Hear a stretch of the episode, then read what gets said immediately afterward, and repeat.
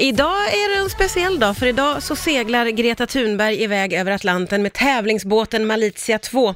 Hur kommer den resan att vara undrar jag? Hur kommer hon att bo och sova och äta? Det ska vi få svar på nu när jag har med Isabelle Lindsten från Svenska Seglarförbundet. Isabelle, hur stort är det ombord på den här båten? Kan man säga det? Ja, det, ja, det kanske vi kan... Om jag ska relatera det till något så, så eh, tänker jag att man kanske har typ sju met, kvadratmeter i golvyta ombord på den här, på den här båten. Eh, och rest, resten av eh, båten är fylld med ja, kojor, alltså sängplatser och lite sådana saker. Då. Ja, hur, hur kommer de att sova? Alltså man sover i, i rörkojor som man säger. Det är liksom eh, eh upphängda eh, eh, sängar som man mm. Så man kan hissa upp dem i rätt läge så man ligger plant. Så det är rätt frekvent. De är anpassade för att man ska vara ute på havet och ja, sådär. Okej. Okay. Och, och, finns det ett litet kök, eller vad man ska säga? Knappt. Det Nej. finns inget kylskåp och sådär och sådana saker utan eh, ett litet, litet eh, där man kan, utrymme där man kan hantera mat och så. Men de äter ju frystorkat och, ja. och, och, och så ombord så det är ju det som då behöver man inte ha så mycket kök. Nej, nej, nej, precis. Det är så. Och, och toalettbesöken, hur, hur, hur gör man dem? Ja, det blir nog, det kan tänkas att det blir på en hink.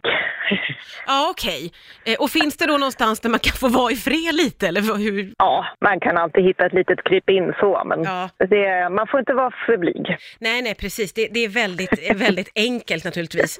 Eh, och man ja. kommer att liksom bo på varandra, fattar jag ju. Ja, man bor väldigt nära varandra. Ja. Det gör man ju. Man umgås ju dygnet runt ja. när man eh, seglar så här på den här resan som hon eh, står inför. Så ja. det, det, blir tid att umgås. Ja, ja, precis. De kommer lära känna varandra.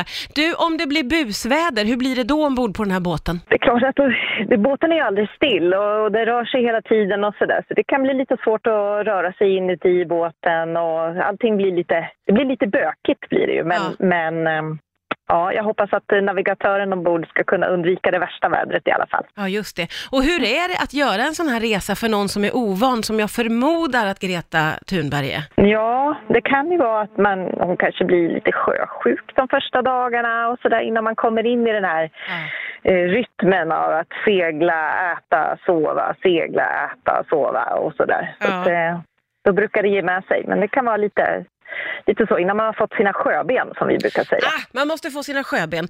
Tror du att mm. Greta har fått någon slags liten utbildning eller behövs kanske inte det? Det finns andra som liksom gör allt på båten.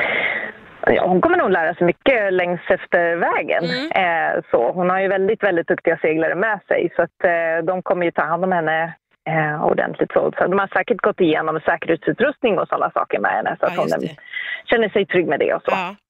Ja men vad roligt att få en liten inblick i hur hon kommer att ha det nu då de närmaste veckorna ombord på den här tävlingsbåten. Tusen, tusen tack Isabelle Lindsten från Svenska Seglarförbundet för att du var med och förklarade för oss. Tack snälla! Tack, tack.